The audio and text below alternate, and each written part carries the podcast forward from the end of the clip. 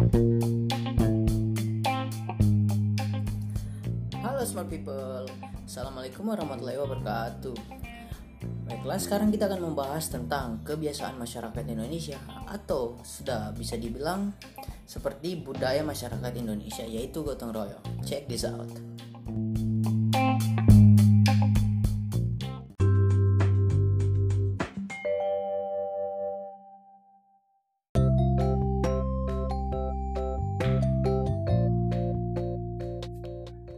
Baiklah, sebelum kita masuk ke inti permasalahan, kalian tahu nggak gotong royong itu apa? Jadi, gotong royong itu berasal dari bahasa Jawa. Kata, ro, gata, kata gotong dapat diartikan dengan kata pikul atau angkat. Sedangkan kata royong dapat diartikan dengan bersama-sama. Yang artinya jika digabungkan pikul atau angkat bersama-sama. Sejarah Istilah gotong royong pertama kali mulai di kenal pada masa pendudukan Jepang di Indonesia yaitu Panitia Persiapan Kemerdekaan Indonesia atau PPKI pertama kali menggunakan konsep tersebut. Gotong royong kemudian menjadi istilah yang populer pada masa pemerintahan Soekarno atau masa Orde Lama di mana Soekarno memperkenalkan gagasan gotong royong sebagai nilai kebersamaan Indonesia yang harus menjadi ruh dalam kehidupan bermasyarakat dan juga bernegara. Tetapi setahu saya, dulu waktu Jepang menjajah negara kita tercinta yaitu Indonesia, itu kan mereka disuruh kerja rodi. Jadi mungkin dulu gotong royongnya bersifat negatif ya. nah, sampai di sini mungkin teman-teman juga udah mulai paham tentang gotong royong sendiri. Gotong royong itu sebenarnya sering kita terapkan di kehidupan kita di rumah, kayak misalnya untuk cowok membantu menerin genteng. Atau untuk cewek-cewek membantu ibu memasak di dapur. Ini calon istri soleha dan istri yang baik nih. Dikerjakan bersama-sama. Intinya gotong royong tuh seperti itu. Membuat hal menjadi lebih ringan. Tapi dalam podcast kali ini kita akan membahas konteks dalam lingkungan bermasyarakat. Oke. okay, bagi yang tinggal di daerah yang masih kental akan adat dan budaya kegiatan gotong royong ini masih terus dilaksanakan. Namun, bagaimana jika di perkotaan? Karena itu sangat sudah jarang sekali. Biasanya di daerah perkotaan, kegiatan gotong royong diadakan hanya pada event-event tertentu dan mungkin nggak semuanya berpartisipasi. Yaps, kita tahu sendiri kalau masyarakat kota udah sangat individualis lah. Bentuk-bentuk gotong royong juga bermacam-macam. Gotong royong dalam pembersihan lingkungan, pembangunan fasilitas umum, pembersihan jalan, pembersihan sampah, pembersihan masjid, serta pembersihan lingkungan sekitar. Nah, biasanya emang kebanyakan bentuk gotong royong di masyarakat seperti itu. Pembersihan lingkungan, kalau dulu mungkin kegiatan gotong royong pembangunan jalan atau jembatan, atau juga kayak pembangunan menuju fasilitas umum.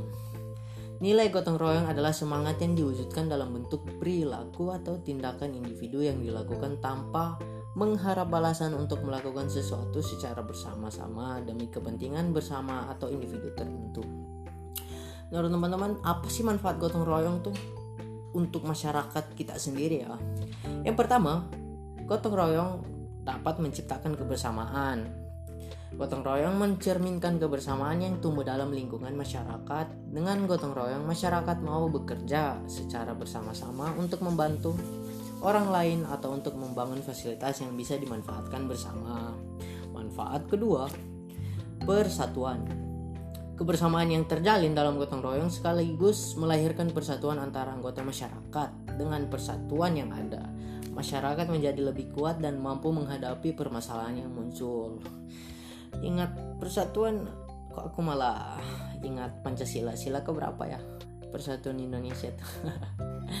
Yang ketiga rela berkorban. Gotong royong mengajari setiap orang untuk rela berkorban. Yang dimaksud dengan rela berkorban di sini kayaknya ikhlas ya dalam membantu uh, teman atau tetangga bekerja ya. Pengorbanan tersebut dapat berbentuk apa pun mulai dari pengorbanan waktu, tenaga pemikiran hingga uang. Yang keempat manfaatnya itu tolong menolong. Gotong royong mampu membuat masyarakat saling bahu membahu untuk menolong satu sama lain. Sehingga apa pun kontribusi seseorang dalam gotong royong selalu dapat memberikan pertolongan dan manfaat untuk orang lain. Manfaat selanjutnya adalah sosialisasi menambah. Tentu saja gotong royong dapat membuat manusia kembali sadar jika dirinya adalah makhluk sosial. Yaps, karena tidak ada individu yang pastinya individualis tidak akan ada seperti itu semua orang pasti saling membutuhkan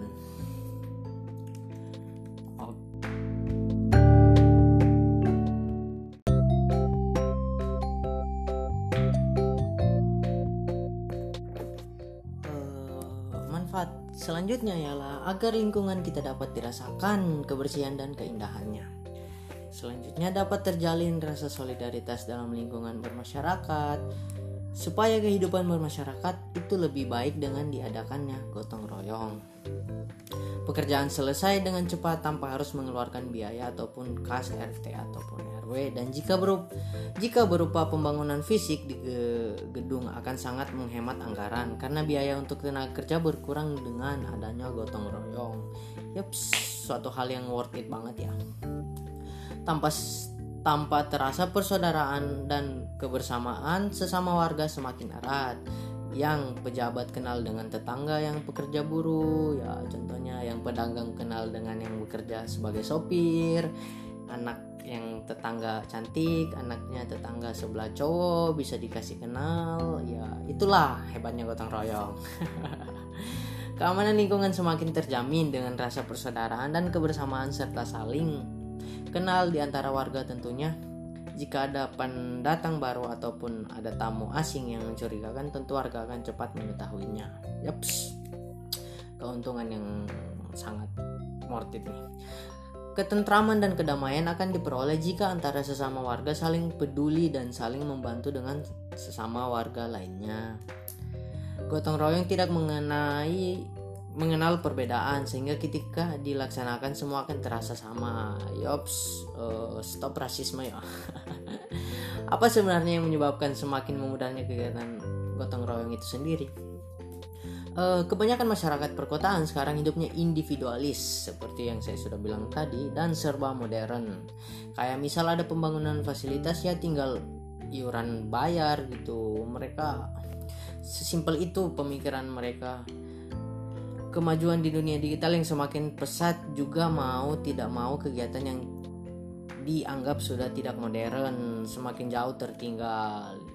Apalagi tengah pandemi sekarang ini adanya peraturan pemerintah tentang social distancing semakin membuat kegiatan ini tidak dapat dilaksanakan. Uh, gimana ya orang mau gotong royong sekarang tapi social distancing gotong royong online gitu Kendala gotong royong di era digital membuat sesuatu yang baik dan melestarikan hal tersebut bukan sesuatu yang sangat mudah untuk dilaksanakan. Salah satunya semangat untuk melestarikan perilaku atau semangat kegotong royongan di tengah masyarakat. Berikut ini akan disajikan sejumlah kendala yang dihadapi terkait dengan perilaku gotong royong yang ada di tengah masyarakat. Terdapat anggapan bahwa gotong royong yang dimiliki bangsa ini hanya bersifat aman dan menguntungkan bersama. Sementara, gotong royong yang susah bersama adalah sesuatu yang sulit diperoleh. Gotong royong yang dimiliki bangsa ini adalah gotong royong yang harus mempunyai feedback adanya tren mengenai peningkatan intensitas jumlah kasus konflik kekerasan yang bernuansa agama dari tahun 2009, 2009 hingga 2012 menjadi catatan tersendiri. Perlu dipahami bahwa adanya konflik berbasis keagamaan ini akan menjadi ancaman serius di masa mendatang bagi keutuhan bangsa Indonesia. Yups, exactly right. Nilai-nilai karakter gotong royong yang dikembangkan di sekolah belum terjabarkan secara menyeluruh sehingga berdampak pada pemahaman setengah yang dimiliki siswa mengenai perilaku gotong royong tersebut. Uh, seharusnya peran guru di sini harus lebih ini ya agar supaya siswa-siswanya lebih mengenal tentang apa itu gotong royong. Kurangnya pemahaman pihak masyarakat bahwa saat ini tidak relevan ketika harus menggunakan prinsip gotong royong sehingga pemahaman seperti ini akan dianggap sama dan tidak ada kesalahan di dalamnya. Mulai membenarnya rasa sosial yang ter yang tertanam di masyarakat, baik wilayah di pedesaan maupun di perkotaan. Kalau di perkotaan sudah biasa kita maklumi karena tetangga hidup sangat berat tanpa uang bisa mati kelaparan. Sedangkan di desa masih punya kemudahan untuk bertahan hidup. Yups, kurangnya keteladanan dari pihak pemerintah sendiri umumnya tidak pernah turun tangan ke dalam masyarakat untuk membangkitkan rasa sosial yang sudah lama hilang di masyarakat.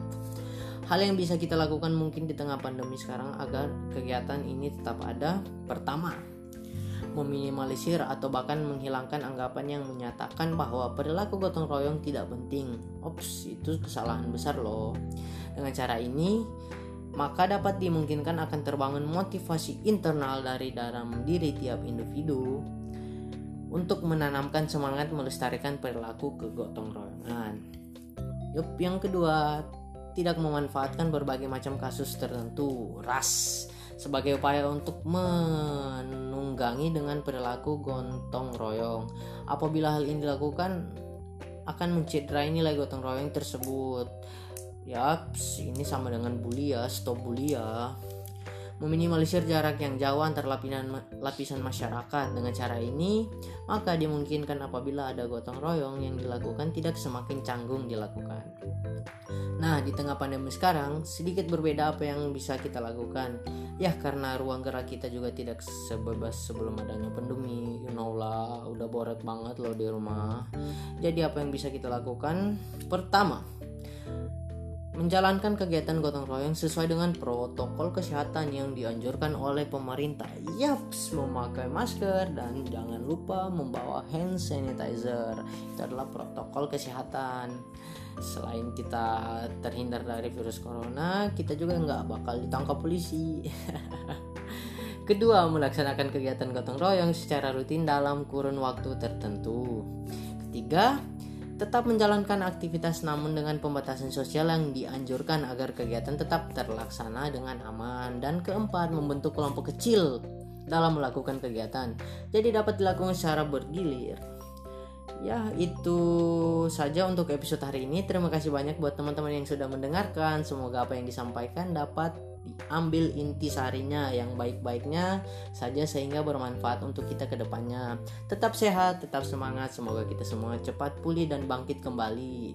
Akhir kata wassalamualaikum warahmatullahi wabarakatuh.